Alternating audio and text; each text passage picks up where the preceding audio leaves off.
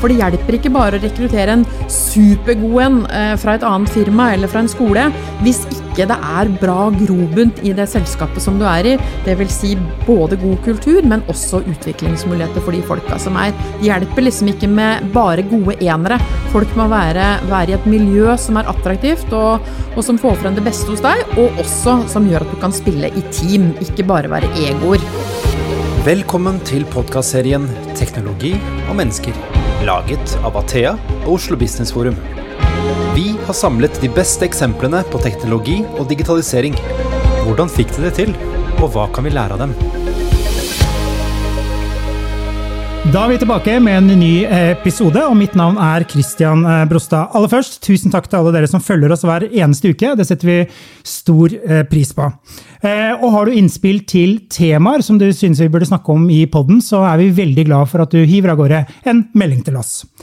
I dag skal vi løse 1000-kronersspørsmålet. Hvordan vinne kampen om de beste hodene? Og den kampen synes ikke enkel å vinne. Ifølge en rapport fra Samfunnsøkonomisk analyse så var det i fjor over 3000 ubesatte IT-stillinger, eh, og det mangler spesielt eh, spisskompetanse. Og ekspertene mener at det skal bare bli verre. Mangelen på folk påvirker hvilken fart virksomhetene og Norge får på eh, digitaliseringen.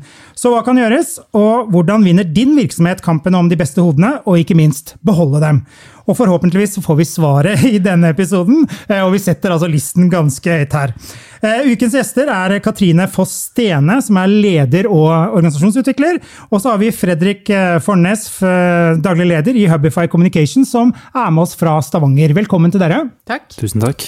Fredrik, jeg tenkte vi skulle starte med deg. Du har jo blitt en, litt av en rockestjerne liksom, det siste året. Du ble kåret til Årets talent under Social Media Days, og så har du gjort en lyn karriere ut av LinkedIn.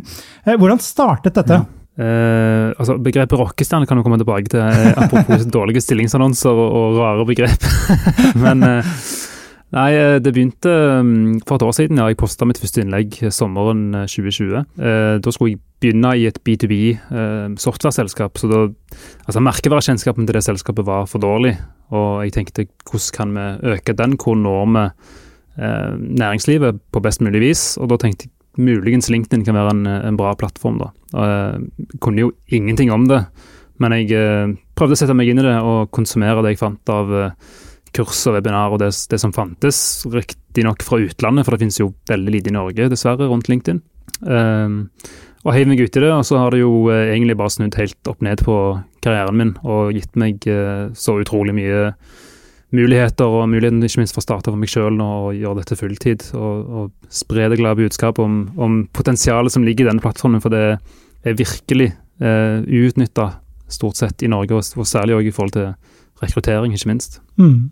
Og du slår jo i alle retninger, så jeg tenker det skal vi komme litt tilbake til etterpå. Det er ganske gøy å følge med på. Hvordan er din, eh, dine ferdigheter på LinkedIn, Katrine? Jeg har lært mye av Fredrik da, siste ja. året. Nei, altså det er jo ikke noe tvil om at vi som jobber som konsulenter, det gjør jeg, med mange organisasjoner, vi er opptatt av å følge med på klientene våre på LinkedIn. Hva de gjør, hva de eh, forsøker å skape profil rundt sin virksomhet, og ikke minst lederne. Eh, toneangivende medarbeidere i de selskapene. Så jeg syns det er veldig spennende i forhold til hvordan bygger man et attraktivt omdømme. Og så er det jo også noe med å vise folk at jeg finnes. Altså i forhold til hva jeg interesserer meg for, hva jeg kan noe om, hvem jeg følger, altså sånne type mm. ting. Så jeg syns det er kjempe, kjempekult, da. Mm. Absolutt.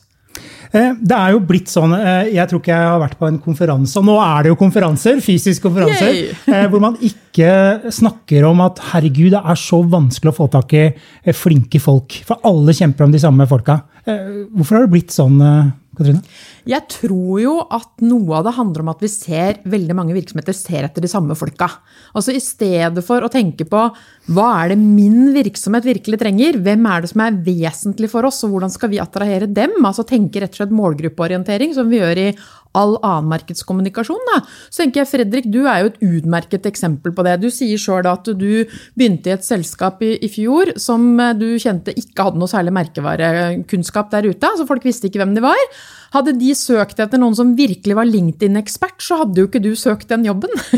For å si Det sånn, altså det du fortell, fortalte oss i løpet av de første sekundene her nå, det var jo at det kunne du ikke. Så det du gjorde, var at du lærte deg det. Altså du, du um, søkte kunnskapen, og så begynte du å trene ferdigheter. Og jeg tror jo at altfor få selskaper tenker sånn, da. Hvordan kan vi finne dyktige folk med potensial for å lære seg nye ting, i stedet for å tenke at du skal ha noen som kan gå rett inn i en jobb og gjøre den jobben superb før lunsj første dagen. Mm. Så liksom, bruk de folka du har, og skills update dem, altså. Hvis de er flinke folk, har de rette holdningene, så tror jeg det er mye mer løsningen på utfordringene enn at man driver og swapper folk mellom selskaper hele tiden. Eh, Fredrik, du eh, du kom jo fra en jobb som skulle eh, Som liksom Hva heter det? Opphørte, eh, omtrent. Eh, og måtte finne din egen vei. Hvordan, hvordan, var det, liksom? Eh, fikk du kalde føtter, og at du følte på kroppen at herregud, dette blir vanskelig? Altså, jeg gjorde jo et skifte for, for tre-fire år siden. Jeg er utdannet journalist i utgangspunktet. og mm. Det var liksom hele tiden, det var som målet mitt å, å bli eh, fast antatt som journalist. og Så nådde jeg det målet, og så fant jeg ut at det var ikke det jeg skulle gjøre likevel. Og så måtte jeg eh, gjøre et skifte, eh, som du er inne på, da, i forhold til om jeg skulle tilbake igjen på skolebenken, om jeg skulle eh, ja, finne på noe helt annet. Mm. Eh, og Det var da jeg fant ut at, at markedsføringsbransjen kunne jo være noe jeg kanskje kunne altså kombinere skrivingen med det kreative, og, og gjøre et skifte der. og det det var selvfølgelig skummelt, og jeg, jeg kjente jo at på, på, det der at jeg har, jeg har, skrivingen, men jeg mangler kompetanse på den andre biten. Mm. Og Det var jo litt av grunnen til at jeg, at jeg, prøvde meg på LinkedIn, for at jeg har prøvd hele tiden tenkt at jeg skal suge til meg så mye kunnskap som mulig på der som jeg føler at jeg har noe å lære, og, og prøve å teste ut nye ting. Og det var jo igjen det som var perspektivet når jeg, når jeg, når jeg uh, heiv meg ut på LinkedIn, at uh, jeg er nødt til å teste dette og se om det kan funke. Uh, og jeg er helt enig med Katrine at uh, jeg tror veldig mange går glipp av masse flinke kandidater hvis de tenker at de er nødt til å kunne alt. og Det ser vi jo på stillingsannonsen òg, at noen av de er jo så stappfulle i krav eh, at du skremmer jo vekk enormt med kandidater som potensielt kunne blitt utrolig flinke folk for deg.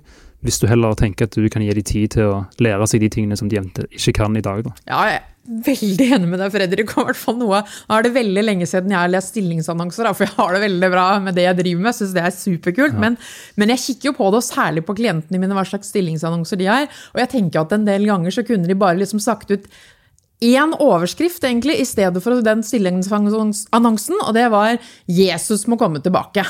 Det er liksom det eneste som kan innfri alle de kravene og forventningene og erfaringene, det er Jesus. Altså det er ingen andre, for å si det sånn. Eh, så, så jeg tror jo at det må være en viss realisme, da med hva du kan mm. forvente at folk kan eh, når de kommer inn i en organisasjon, kontra hva de kan lære seg, og hva de kan få av muligheter hvis de bare er sånn som du er, da, Fredrik. Svamp etter å trekke til seg eh, kunnskaper og ferdigheter. Jeg tror det er mye viktigere enn å tenke at liksom, du må ha alle ferdighetene når du blir rekruttert. Da. Mm. Jeg tenker at, helt enig, jeg tenker at personlighet er nesten viktigere enn, enn det som du har av egenskaper ofte. Og, og, jeg ser jo Nå har jeg lest noen stillingsannonser heller ikke fordi at jeg var på, på, jobbjakt, men fordi at jeg interesserer meg i kommunikasjonsbiten av det. da.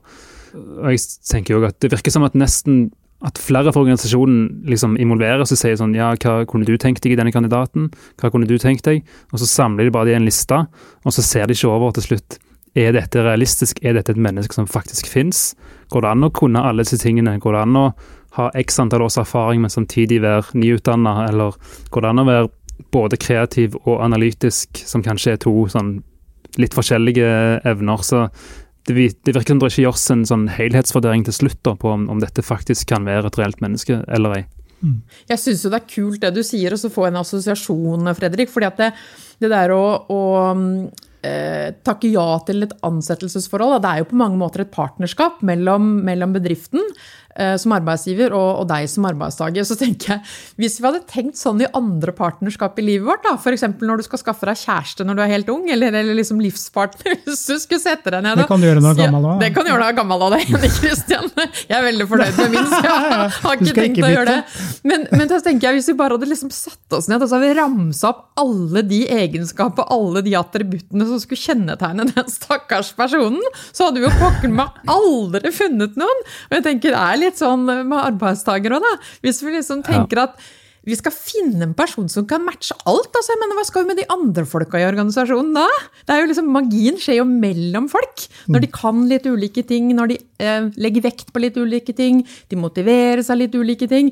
Det er jo det som er magi. Det er jo liksom ikke den derre ene personen som, som, skal matche det du akkurat nå har bruk for. Jeg, jeg, skrev et innlegg om, om, akkurat dette hvor jeg snudde om på perspektivet da, og skrev det som, eh, som om jeg var på jakt etter en kunde og så hadde det samme perspektivet som veldig mange har når de skriver stillingsannonser.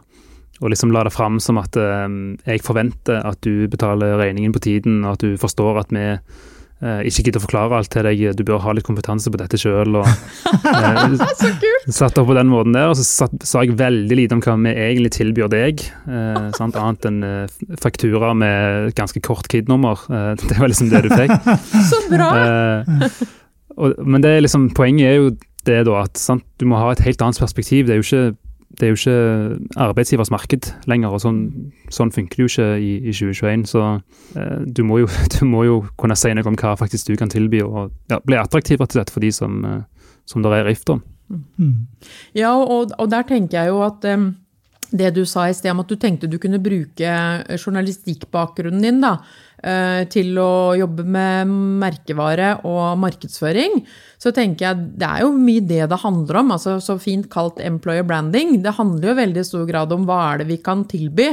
Hvem er vi egentlig, øh, og hvorfor er vi attraktive? Og da tenker jeg ikke bare i rekrutteringssammenheng, selv om selvfølgelig det er kjempeviktig å attrahere også, men jeg tenker det er minst like viktig det der å være relevant og attraktiv for de som allerede er i bedriften. Da. Og særlig nå når vi ser tilbake på, eller tilbake, nå kommer det så mye nyheter hver dag at det er spørsmål om vi kan se tilbake på covid, men i hvert fall ja, den perioden som har vært. da. Um, også å, se på rett og slett um, Hva jeg skulle si? Nå tapte jeg meg helt uh, selv. Det er lov. Jeg kan jo, Mens du kommer på det, så kan jeg stille et annet spørsmål.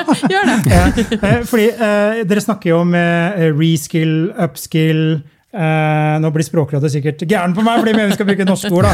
Men det er jo en kjensgjerning at det er ganske mange, som, mange arbeidsgivere som løper i markedet for å finne kompetanse. Er det noe feil med, eh, med virksomhetene? Altså, er man ikke så god på det å liksom bygge e, de ansatte man allerede har?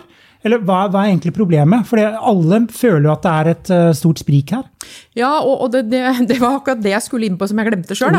Det var, så var en god bro, Christian. Det, det, er jo rett og slett for at vi ser at veldig mange, særlig de som har sittet på hjemmekontor, og det er jo en god del bransjer som har, litt avhengig av hva slags type jobb du har, som har sittet på hjemmekontor, du har fått litt lite oppmerksomhet, du har vært litt lite sosialt uh, eksponert for kollegene dine, kundene dine kanskje, så er du veldig mye lettere bytte for headhunter i disse dager. altså rekruttererne har jo aldri hatt så gode dager som nå i forhold til å få folk i tale.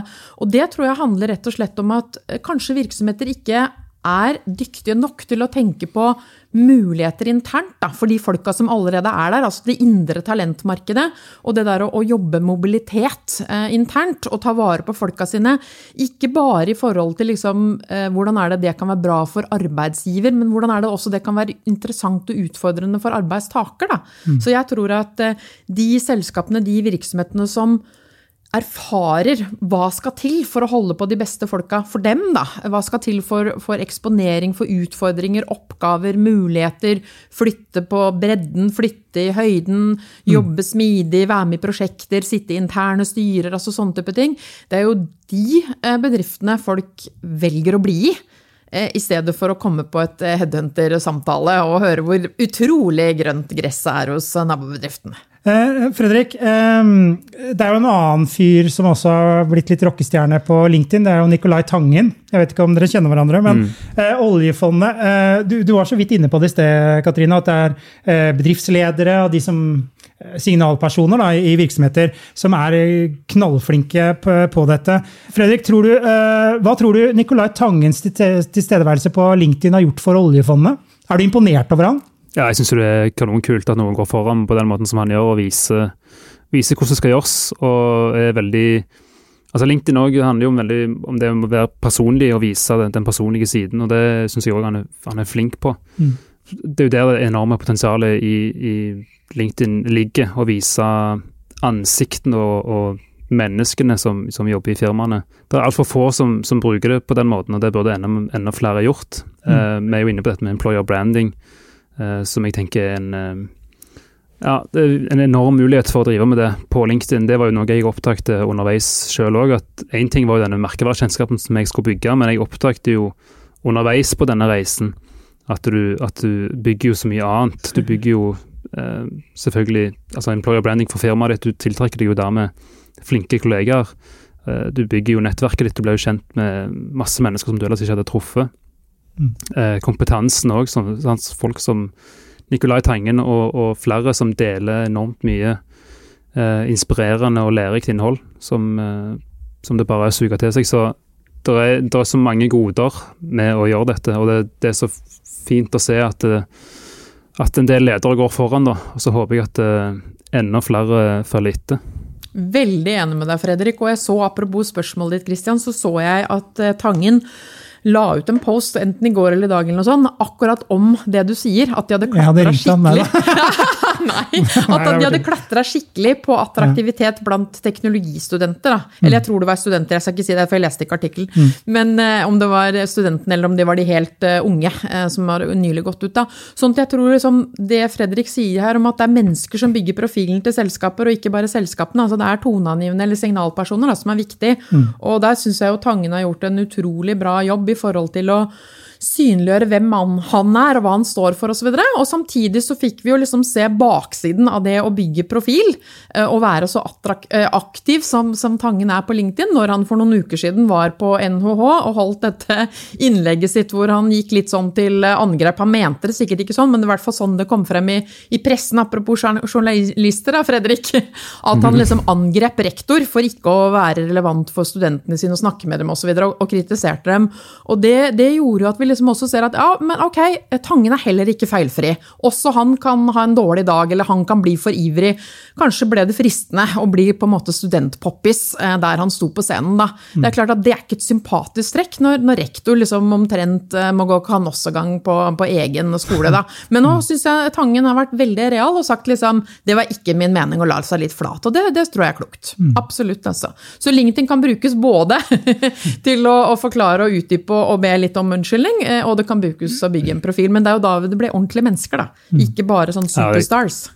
Helt enig. Det er det tørre å ha meninger og, og tørre å gå i de, gå i de feilene der som, som, kan skje. Det er liksom det som er å bygge en personlig merkevare. Eh, jeg ser i mine, Når jeg konsultasjoner med folk rundt LinkedIn, så er det liksom det gjennomgående tema i hver samtale er at veldig mange tar på seg en eller annen LinkedIn-hatt når de går inn på plattformen. Mm. Og så prøver de å være noen som de gjerne ikke er, og så ender de opp med egentlig å bli ingen. Fordi at de prøver å være en eller annen forventa standard, og så skal de ikke ha så veldig mye meninger om ting, og så skal det være litt formelt og sånn.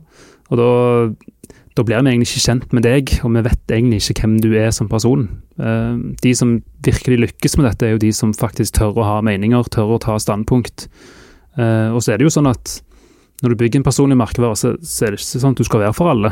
Noen vil prelle av på veien, men men det er det som kalles å bygge merkevare. Eh, og Da sitter du igjen med de som faktisk deler dine verdier, og som er din målgruppe, som er de folkene du ønsker å, å samarbeide med. Så, um, så, kan det godt være at du går på noen sånne innimellom, men jeg syns òg Nikolai løste det på en fin måte. Mm. Jeg syns det er litt herlig, da, Fredrik, for jeg er veldig enig med deg i forhold til at du må ikke være en annen uh, sosiale medier enn du er i virkeligheten. Og det er litt sånn, uh, ikke sant, Når folk skal date Jeg er godt gift, som jeg sa, Kristian. Du er veldig opptatt av det temaet der. det er mye dating. Høres ut som jeg er skikkelig på sjekkeren. vet du. Men jeg, jeg sjekka med sønnen, yngste sønnen min i går, da han er 18, om det liksom ble for kleint hvis jeg sa Tinder, om jeg burde bruke en annen app da, siden jeg ikke er i det markedet. Så sier han nei, Tinder er helt fint til ditt formål. For det jeg spurte han om, da, det var når jeg skal bruke liksom en, en, et bilde på det her med at du fremstår som en helt annen merkevaremessig, da, som bedrift eller som person, enn du er i virkeligheten, så er det jo det jeg har forstått, at det gjør jo en del folk på, på disse datingappene. Og særlig på Tinder, sa min 18-åring, da. I forhold til at man liksom lager en profil for å attrahere. Men det som er synd, da, hvis den profilen er veldig annerledes enn du er i virkeligheten, det er at det blir bare med den ene daten. ikke sant? For at du mm. innfrir på en måte ikke på det du har attrahert på. Og det tror jeg er ganske viktig, eh, og det er derfor jeg sier det, ikke for det er for sjekkeren. For jeg tror at vi må Passe tenke deg, Fredrik. vi, må, vi, må tenke, vi, må tenke, sånn også når det snakker om å bygge en merkevare som, som arbeidsgiver. Da. Altså, Én ting er å ha en profil som attraherer, men det må være en virkelighet som beholder. Altså en virkelighet som fastholder. Og, og det tror jeg er ganske vesentlig å tenke gjennom at ja, du skal selvfølgelig fortelle om alt det som er attraktivt i din virksomhet for den målgruppa du er ute etter å attrahere, men du må klare å levere på det, altså, for ellers så blir det liksom med den der ene daten. Vi vet jo det at det er altfor mange som også slutter innenfor det første halvåret, altså i prøvetid. Enten fordi virkeligheten ikke var sånn som de hadde trodd fra rekrutteringsprosessen, eller fordi det er en ikke spesielt eh, effektiv og god onboarding-prosess. da. Mm. Så, så, jeg er veldig enig med deg, Fredrik, at liksom vær den samme personen enten du er i real life eller du er i sosiale medier. Altså, ikke prøv å lage deg en image som ikke passer. Fredrik, eh, det er jo fremdeles eh, en del eh, ledere som tenker at herregud, ansatte på LinkedIn Vi så på VG i dag at en som jobber i Ernst Young, pimpa LinkedIn-profilen sin, fikk jobb i Google. Og kan det være ledere som er litt engstelige for at ansatte viser altfor mye av seg selv? Er vi der ja. ennå? Ja, dessverre så finnes de, eh, og det er veldig trist. Eh, jeg skjønner jo litt hvor de kommer fra. Det har nok litt med frykt å gjøre for at, eh, for at du skal vise fram dine beste ansatte, og at de kan bli plukket opp. Da. Men jeg mener at gevinsten er så enormt mye mer enn den risikoen, da, og du kan få så enormt mye igjen for det. Igjen lar du de ansatte få lov til å skinne og vise fram at dette er en fantastisk plass, her har vi kompetanse, så vil du heller ikke ha problemer med å fylle på med nye talenter. Uh, lar du de få lov til å skinne, så vil de, hvis de går, så vil du fortsatt ha gode ambassadører som vil snakke veldig varmt om deg i framtiden. Jeg tror selve oppskriften på å miste gode folk er å holde de nede. Ikke la de få lov til å skinne, ikke la de få lov til å vise sin kompetanse, være stolt av det de holder på med. Uh, så jeg tror den tankegangen der Jeg skjønner litt hvor han kommer fra, men jeg tror det er en veldig ineffektiv måte å eh, attrahere og beholde de beste menneskene i jobben. Jeg er jo så heldig at jeg får lov å sitte i juryen i Ledertalentene.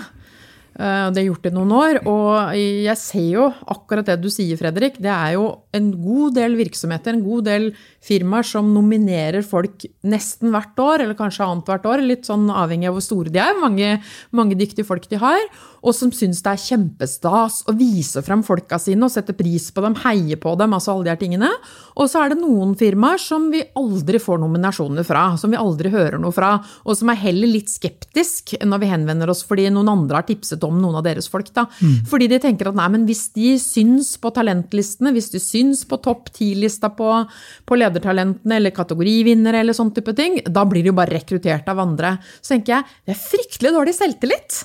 Altså Hvis du som arbeidsgiver tenker at hvis folk får vite hvem som jobber hos oss, så løper de ut eh, med en gang de får muligheten, i stedet for at de tenker fy søren og bra arbeidsgivere har, som attpåtil setter pris på meg, viser meg frem, skryter av meg i det offentlige rom. Mm her er det utviklingsmuligheter, her kan jeg vokse, her kan jeg få, få, få lov å ha en spennende karriere.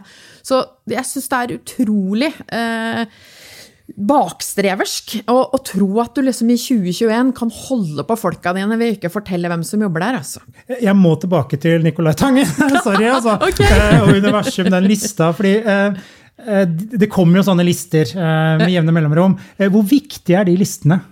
for eh, selskapene å være på, på, de listene i forhold til rekruttering og attraktivitet. Hva tenker du, Katrine? Ja, jeg tenker at uh, det er viktig i forhold til rekruttering. Og jeg ser jo at veldig mange av de større virksomhetene spesielt, de jobber systematisk for å klatre på de listene. Så i forhold til det å være poppis blant nyutdanna, eller liksom i de miljøene her, så, så, tror jeg at det er vesentlig for å ha en image. Da. Jeg tror det som er minst like viktig, det er jo uh, å være til stede Eh, på de studiestedene, og ikke bare liksom NHH og Induc, men, men, på flere studiesteder, og tenke litt mer mangfold for å vise frem hvem du er som virksomhet og hva du er ute etter. Det, det tror jeg er viktigere. Men når det, når det liksom gjelder å holde på de beste folka og ha de beste folka, så tror jeg jo ikke de listene har særlig stor betydning i det hele tatt. For dette her er jo primært for helt nyutdanna som skal tenke hvor skal jeg begynne. Men i forhold til det der å være attraktiv for de som skal velge Eh, sin første arbeidsgiver, så tror jeg det er vesentlig. Absolutt. Og spesielt innenfor liksom de store kategoriene deres med, med, IT og ingeniør og økonom og sånn. Mm. Mm. Eh, Fredrik, eh, du nevnte jo ordet employer branding, som Språkrådet liksom snur seg et eller annet sted på bakgrunn av. Da. Men eh, hvis du skal liksom plukke ut noen virksomheter du har sett de siste ja, månedene, som du mener er, i hvert fall fra utsiden, da, ser ut til å være gode på det, har du noen caser på det? Ja, vi ser jo dessverre at, eh, at, det er veldig vanskelig å nevne noen firma i Norge som jeg tenker er steinbra på LinkedIn, og mm. bruker de personlige profilene, for det er jo der gullet ligger. Du får jo åtte ganger mer engasjement på personlige profiler kontra bedriftsprofiler. Mm. Uh, og det er det altfor få som utnytter. Jeg har sett Jysk har prøvd litt, så det, det er litt på gang der, men der er det liksom Nesten alle posisjoner i Norge er up for grabs, uansett bransje. Mm. Uh, men utover LinkedIn så er det jo andre. Du har jo f.eks. Easy her i Stavanger som, uh, som, har hatt en eksplosiv vekst og virkelig har fokusert på dette med arbeidskultur. og Hvor du virkelig får kjenne på at her er det de ansatte som kommer i første rekke. Um, jeg syns Fink har òg en kjempekul greie. De har en åpen personalhåndbok som ligger ute, som alle kan se på. Der er det en lønnskalkulator, så du kan se på akkurat hva du Eller iallfall i nærheten av hva du kommer til å tjene. Alt av bonuser og goder. Altså Der er det sånn gå og kjøp det utstyret du trenger for å gjøre jobben din best. Mm. Altså du, du, du, får det der inntrykket av at dette er en plass hvor de ansatte virkelig er i første rekke, du har bare lyst til å jobbe der, rett og slett. Uh, så jeg syns det er veldig kult med sånne, sånne firmaer som, som, ser viktigheten av å vise hva de faktisk kan tilby, da. Uh, heller enn å bare, som jeg sier, stille masse krav til til hva de trenger eh, når de skal hente folk. Katrine, har du noen favoritter liksom, når du snakker om disse tingene? Hvem er det du fremhever? Ja, Ikke så mye firmaer, kanskje, men mer som Fredrik sier, eh, personprofiler i så fall. Da. Mm. Jeg syns jo at eh, sånn som Martin Skjøtt i Askeladden, og også Linn i Askeladden, er kjempespennende profiler fordi de, er, de deler så mye. Altså De ikke bare forteller om seg sjøl og, og, sitt firma osv., men altså de snakker om eh, disruptive forretningsmodeller, som jo er liksom det de lever av, men likevel hva de gjør, hvordan de gjør, hvordan de er relevant for folk flest. altså eh, Uten at det er så veldig mye sånn me, myself, I. Da. Så jeg syns det er spennende eksempler. Jeg syns Andreas eh, Torsheim i Ottovo som snakker mye om den forskjellen de gjør i forhold til, til sunn energi. Eh, med solcelleopplegget sitt. Så jeg syns det, det, er flere spennende profiler, men akkurat firma er det jeg enig men, men jeg tror at det skal innmari mye til at et firma er veldig interessant. Altså, vi vil gjerne personifisere det. Eh, de fleste av oss, det ser du også på når du ser på en del forskning Eh, i forhold til hva er det som bygger en firmaprofil. Det er jo ofte konsernsjef eller, eller CEO da, som er liksom imagen til selskapet på godt og vondt. Da, for det, det, gjør jo at hvis noen slutter, så, så, er det ofte også sånn at firmaet ikke blir så interessant lenger. Så jeg syns det, det, er mye bra forsøk der ute. Mm. Uh, og, og, jeg tenker at det er sympatisk at folk prøver seg. At de, at de, er der ute, og at de lever i den verden. At de tør ta sjansene. Og, og Tangen, som vi har snakka om, jeg syns det, det, er kult at han gjør som han gjør, og, og er, er aktiv som som han er, da. Mm. Eh, er det mulig liksom, å sette opp en liste over uh, ting uh, Nå ser jeg på deg, Katrine. for hva er det som gjør en virksomhet attraktiv? Jeg skjønner at du må ha liksom, kule faglige utfordringer, de kule kundene kanskje, hvis du ah, Men er det noen sånn liste liksom, som lytterne tenker at det må vi sjekke av på? Ja, jeg tenker jo at det er såpass holdt jeg på å si, vanskelig og såpass banalt da, som at det handler om målgruppe. Altså, hvem er det du henvender deg til? Mm. Hvem er det du skriver for? Hvem er det du profilerer deg overfor? Og hvordan er det du blir attraktiv for de folka? Så det er helt god, gammeldags eh, merkevarebygging, men med veldig mye mer innsikt og fakta enn vi hadde i gamle dager. For da skulle du som merkevarebygger bare være kreativ, men nå må du ha innsikt og fakta òg, da. Mm. Sånn, jeg tror at det handler mest om uh, at du, du, som virksomhet, og også som person, så må du rett og slett gjøre en analyse av hvem er det jeg prøver å, å nå på LinkedIn. Eller i andre sosiale medier, eller i rekrutteringsannonser, eller whatever. Altså i forhold til å, å, se på hva er det som skal til for at de blir interessert. Eh, hva er det som skal gjøre at jeg fanger deres interesse? Hva er det som skal, skal til for at jeg skaper stolthet hos de som allerede er her? For jeg tror jo jeg tror at det der, dagens ansatte det er jo de beste ambassadørene og de viktigste ambassadørene. Så det at folk eh, som jobber i en bedrift, skriver selv om, om, dagen sin, utfordringene sine, mulighetene sine, veksttingene de jobber med. Altså, det tror jeg er mye viktigere da, enn å ha en sånn generisk liste. Men det der å jobbe rett og slett veldig, veldig målretta mot uh, hvem er det vi prøver å være attraktiv for, det tror jeg er superviktig. Mm.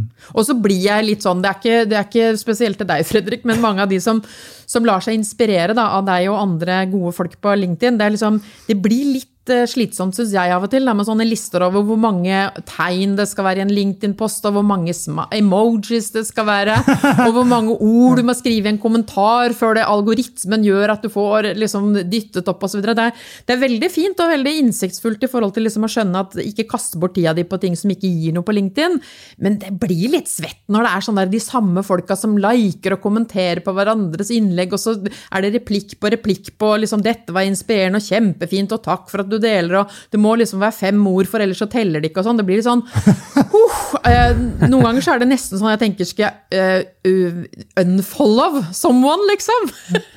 Hva tenker du, Fredrik? Du har jo laget en LinkedIn-post om det her. Har du ikke? Jeg har, jeg har, skrevet, jeg har skrevet noen av disse postene, ja, det er helt korrekt. uh, nei, det er klart dette er jo detaljer, og du kan si alt du vil om algoritmer og, og, og ting og tang rundt den. og Når alt kommer til alt, så er det jo innholdet som betyr noe, og budskapet i de postene dine. Mm. Og det er jo det som på en måte er min, eh, min eh, fanesak, er jo at eh, folk skal innse at LinkedIn er ikke en plass for å snakke om hvor fint produkt du har. Og det er jo nok det som er grunnen til at altfor få har, har brukt det, og bruker det fortsatt ikke. Fordi at det har fått et bilde på seg på å være en plass hvor hvor menn i dress skal snakke om uh, hvor fine produkter de har, og prøve å pushe salg. Og, og, det funker jo ikke. Du må snakke mer om det større bildet.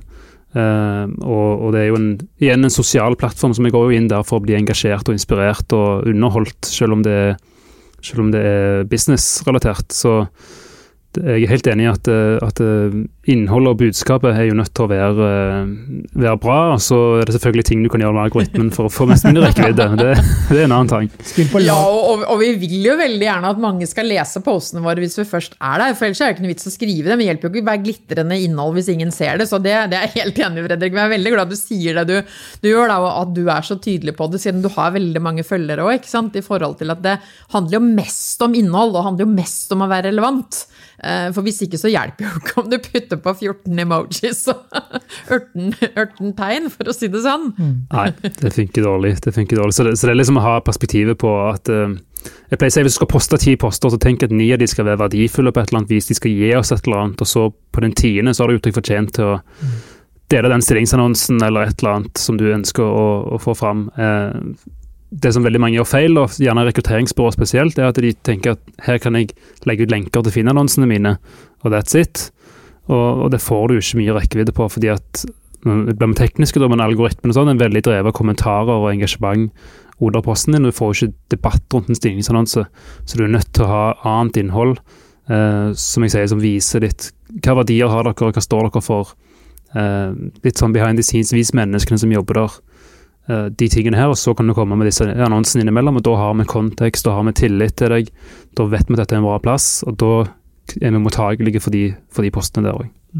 Ja, og, og, LinkedIn var jo tidligere i hvert fall veldig stor grad liksom en plattform som du gikk på hvis du var ute etter å skaffe deg en ny jobb, eller hvis du skulle rekruttere nye folk. Og, og det er det jo fortsatt òg, men jeg opplever jo at LinkedIn og andre sosiale medier òg er blitt mye mer en plass hvor du deler fra din hverdag. Deler hva du jobber med, hva du holder på med, hva som er spennende, altså alle de tingene. Og jeg tenker at i hvert fall mange eh, både bedriftsledere og, og, yngre spennende profiler eh, er mye viktigere i forhold til å bygge stolthet over eksisterende arbeidsplass. Altså se hva min sjef eller, eller, se hva min kollega her borte, eller se hva vår kunde her borte, eller se hva vår leverandør her borte driver med. Altså vi er en del av et spennende ekosystem. da. Sånn som jeg så noen av, av bl.a. Kristin Ruud fra Kongsberg Digital eh, skrev om på LinkedIn forrige dagen, hvor de hadde, hadde arrangert en kompetansehackathon i forhold til teknologikompetanse, og attrahere og være relevant og beholde, beholde, det, som de kalte fra ego til eko, som jeg syns var et utrolig kult navn,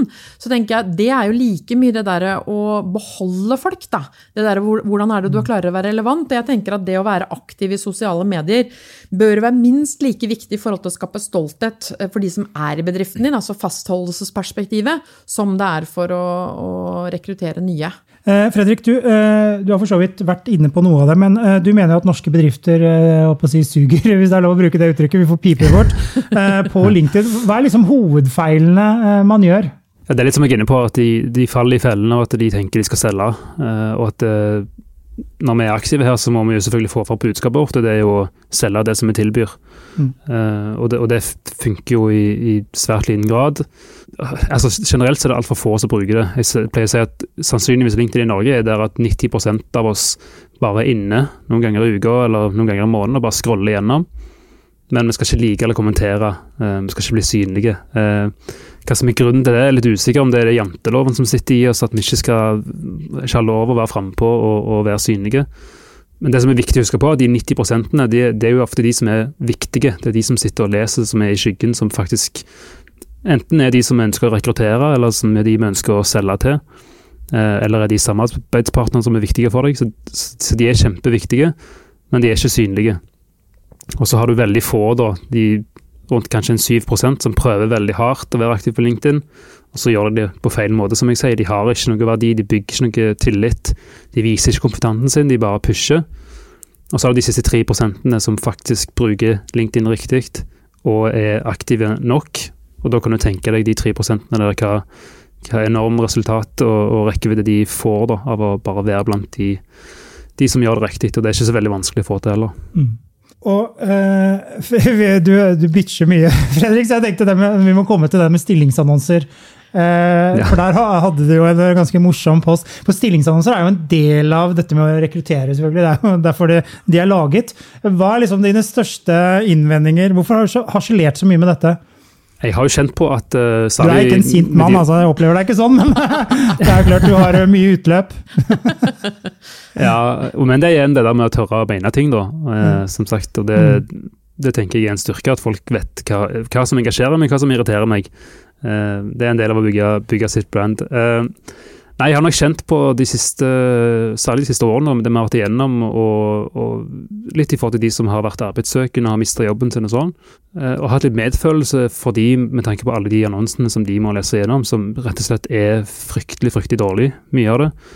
Eh, det er litt sånn at har du lest én annonse, så har du lest alle. Og jeg ble litt overraska og forundra over hvorfor språket undervurderes i så stor grad i disse annonsene, når det er liksom den viktigste altså Humankapitalen er det viktigste du har, og du skal få tak i de beste folkene her. og Likevel så er det en sånn etablert praksis på hvordan disse her skal se ut. Det er nesten sånn copy-paste-greier med de samme klisjeene. Eh, som jeg sier, motstridende krav. Fremstilt på en ekstremt kald måte, som regel. Eh, veldig lite imøtekommende formulert, eh, disse stillingsannonsene. Det er jo av en eller annen grunn blitt etablert at du f.eks. kan si 'vi forventer at du er', eller du, du, er'. Bare det å fortelle folk hva de skal være for noe, mm. syns jeg er en veldig merkelig måte å, å, å snakke på, sånn rent kommunikasjonsfaglig. da. Så det var vel eh, det, var vel det som det som var dråpen i begeret for meg, da, var jo at jeg leste en stillingsannonse eh, for en, eh, en markedssjef de skulle ha tak i, og så har jeg jo sett der at folk som ikke kan markedsføring, de du ser det veldig tydelig i annonsene, for de har en del krav som bare er sånn fullstendig urimelige. Og her var det noen som skulle ha en markedssjef som i tillegg hadde teknisk fagkompetanse på vann og avløp. Oi. Og da Det var liksom nok nå, nå, må jeg skrive noe om dette. Um, så det var liksom det som var dråpen, og, Og jeg fikk jo massiv respons. Og det, det føler jo er et tegn på at, på at, folk kjenner seg igjen i dette, da. Og at de som faktisk leser annonsene, òg uh, kjenner på det samme.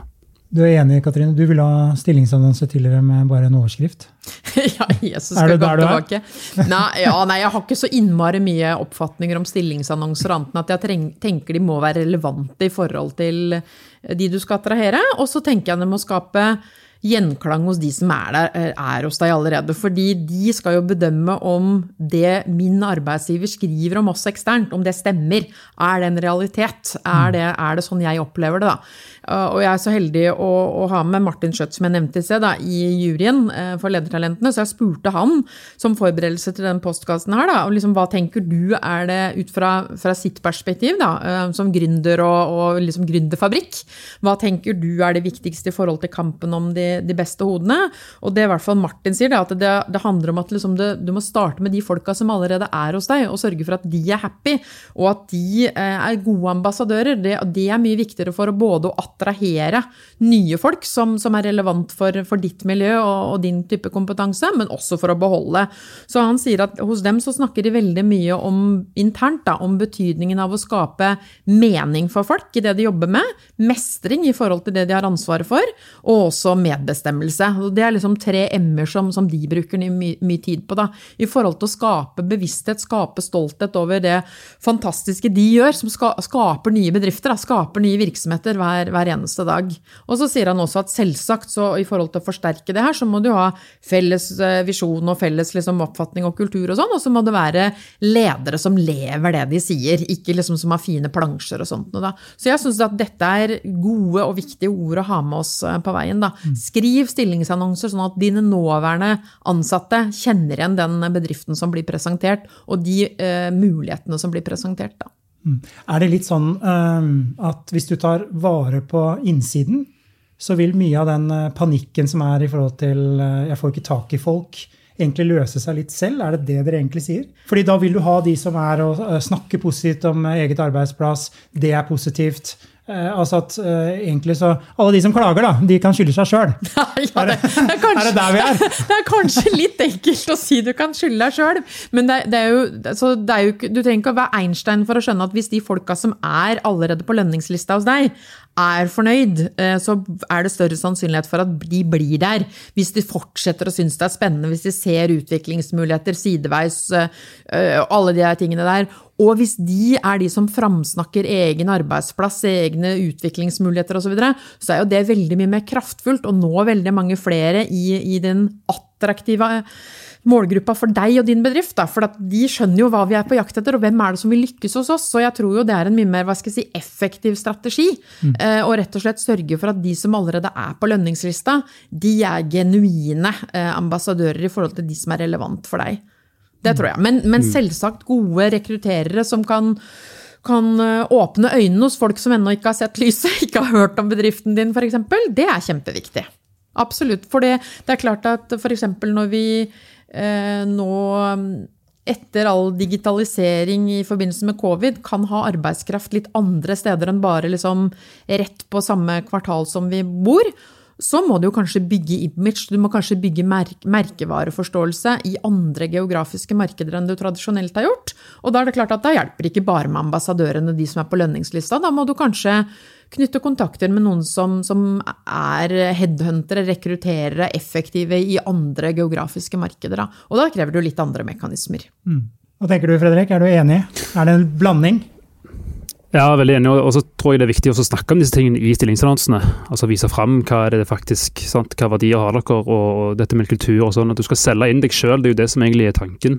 Eh, bak denne annonsen. Så kan du komme med kravene etter hvert, men, men snu om på perspektivet og ha liksom kandidatfokusert og, og gjøre deg selv attraktiv. Og så Litt på siden av i forhold til det med, med trivselen til de ansatte, så, så ble jeg òg overrasket over hvor få som eh, prioriterer offboarding-samtaler. Eh, det er jo et helt annet tema, men eh, det syns jeg er sånn overraskende. Altså for, for, det er jo en gyllen mulighet til å få en helt konkret, ærlig tilbakemelding på, mm. på altså ris og ros, og, og, det er ingen agenda bak det lenger. For det er klart det som du hører i et jobbintervju og sånn om hvor spennende denne plassen her og, sånn er, det, det, er jo med en klar agenda bak eh, om å få jobben, mens de menneskene som skal ut, at det ikke legges ned mer ressurser i å få høre helt ærlige tilbakemeldinger på hva vi kan forbedre og, og hva vi er gode på.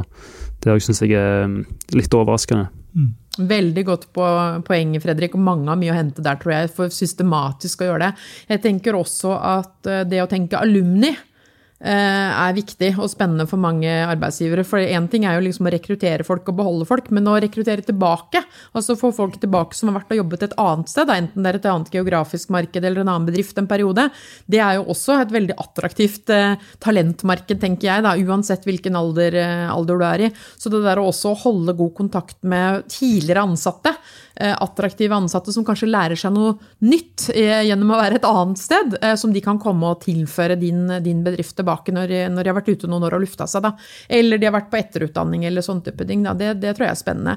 Jeg hørte også om et um, et dansk initiativ som nå ikke er nytt lenger, det er vel fire år gammelt, tror jeg, som heter eh, Inspired Beyond Babies Inspired Beyond Babies, som jeg syns er et kult uttrykk. da, Som rett og slett handler om også å være i kontakt med de som er i mamma- eller pappapermisjon mens de er hjemme med små barn. Som har lyst til å gjøre noe mer enn å kose seg bare med babyen sin, men rett og slett være i et nettverksmiljø. Være et sted hvor du får faglig påfyll som ikke handler om babysvømming eller babysang. Ikke noe gærent med det, men som ikke har noe med liksom arbeidsplassen din å gjøre. Og de har nå 2000 aktive foreldre i Danmark, både på Jylland og Sjælland, som er med i dette faglige nettverket i forhold til å liksom rett og slett få påfyll. Og det tenker jeg også er en, en kanskje en mulighet som, mange, arbe som mange arbeidsgivere ikke bruker så mye. Da. Det er å holde kontakten med de som er i permisjon. Eh, sånn at de følger med hva som skjer i bedriften. Altså selvfølgelig må det være på den ansattes vilkår, og, og det må være liksom i, et, i, en mengde som, som, passer en enkelt. Det må jo være frivillig og sånn, men, men, det er å, å, sørge for ikke å miste kontakten da, med folk som er eh, hjemmeværende. For da er jo headhunterne rå. De går jo inn og ser på Nå har vedkommende vært hjemme et halvt år eller ni måneder. Det er enkelt å rekruttere. Vi kan friste med noe annet gress. Du er jo blitt nylig pappa, har du ikke det, Fredrik? Jo, jeg er i pappapermisjon akkurat da. Helt i innspurten, faktisk. ja. Og du er jo en enmannsbedrift, så hadde det blitt sånn eh, enmannsalum alumni, da. Hold god kontakt med sånn, arbeidsgiveren din i permisjonstiden, Fredrik. veldig, veldig, god kontakt, faktisk. Så det har gått fint. Eh, vi nærmer oss eh, slutten her, det går jo fort unna. Men jeg tenkte en litt sånn trend som vi ser Jeg var i Bergen for noen uker tilbake og intervjuet Kristin Skogen Lund på, på scenen.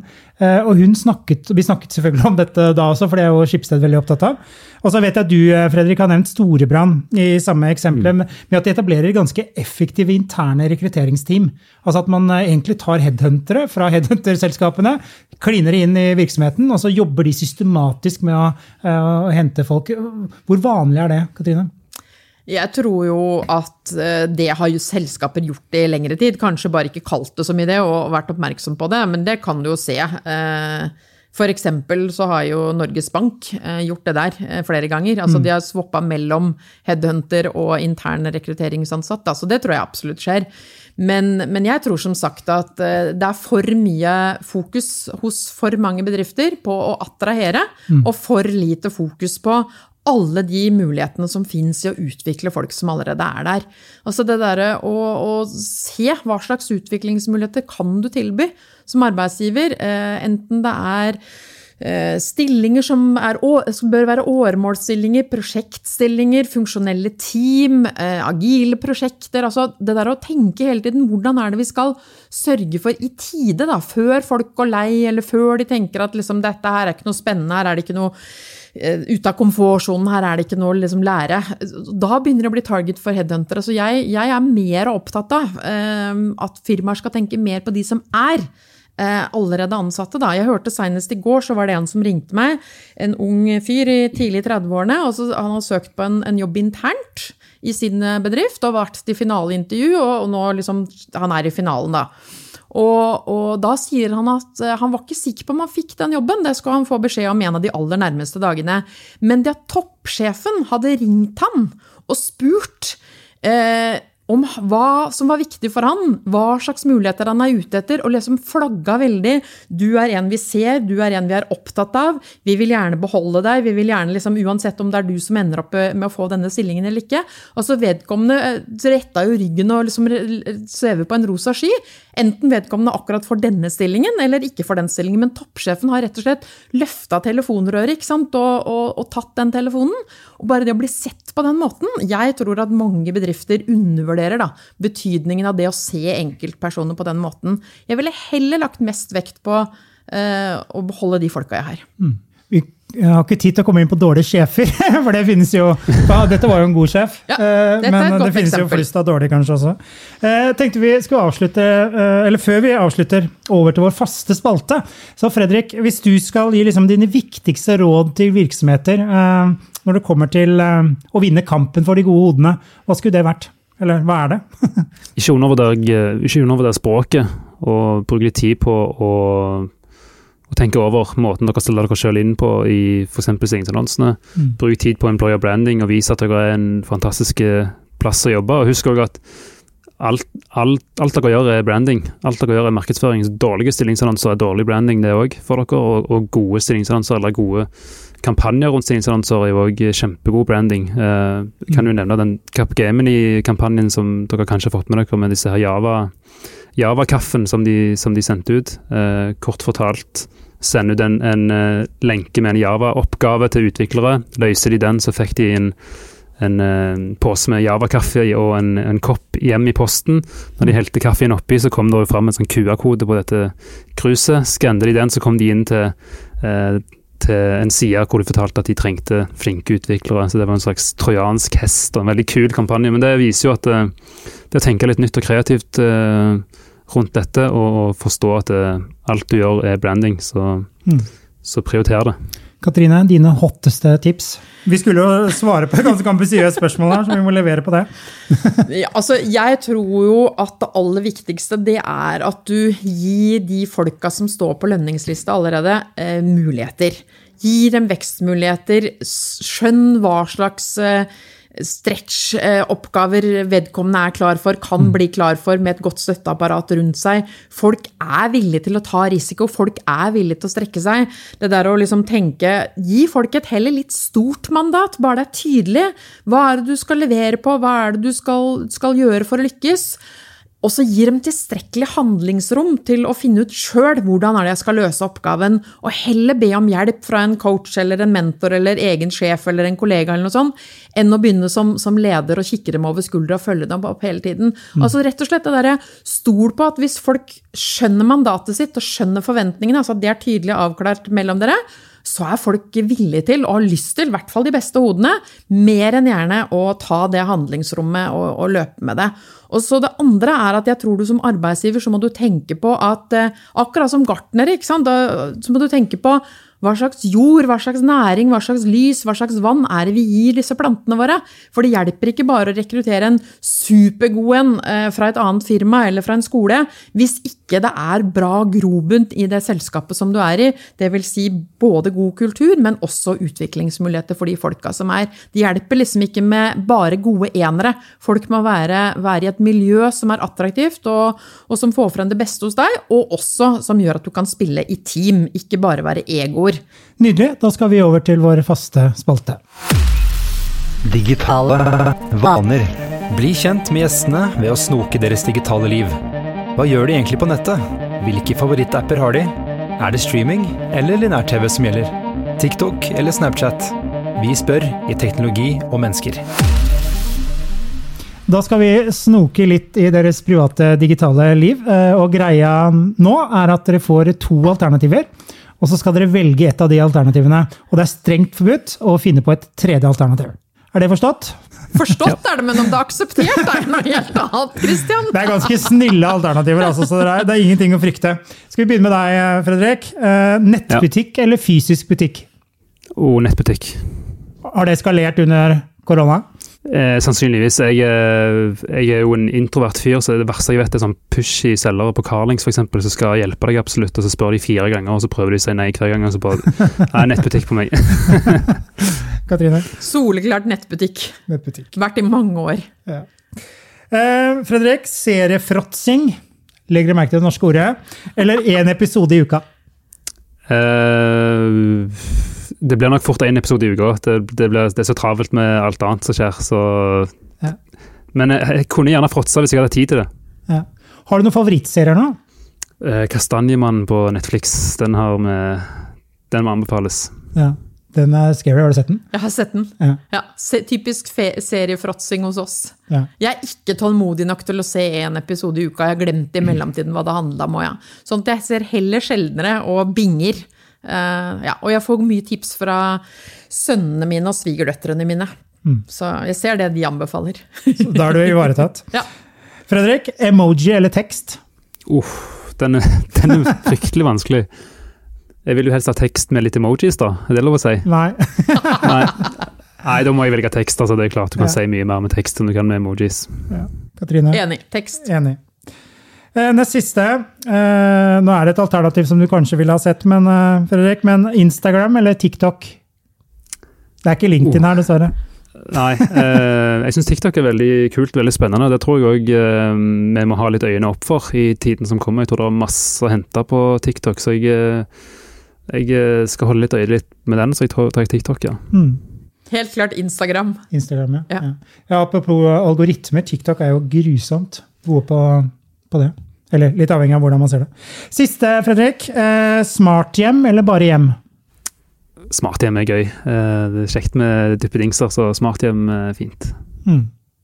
Du har mye greier hjemme? Det er alltid gøy med Nå hadde vi halloweenfeiring her, da måtte vi jo kjøpe sånne pærer med diskolys og sånn, så du kan styre eh, på telefonen. Så det, det er alltid stas. Det er nydelig. Ja, Det lengste vi har kommet, er sånne huelamper. Så jeg skal ikke på, påberope meg at vi er veldig smart hjem. Vi har noen sånne lamper, that's it. Ok, Så delvis smart hjem, da. Ok, eh, Fredrik og Katrine, tusen takk for at dere kunne være med, og tusen takk til deg som har lyttet på. Du har nå lyttet til Teknologi og mennesker, laget av Athea og Oslo Business Forum. Liker du podkasten, setter vi stor pris på om du gir oss noen stjerner. Og tips gjerne en venn om podkasten.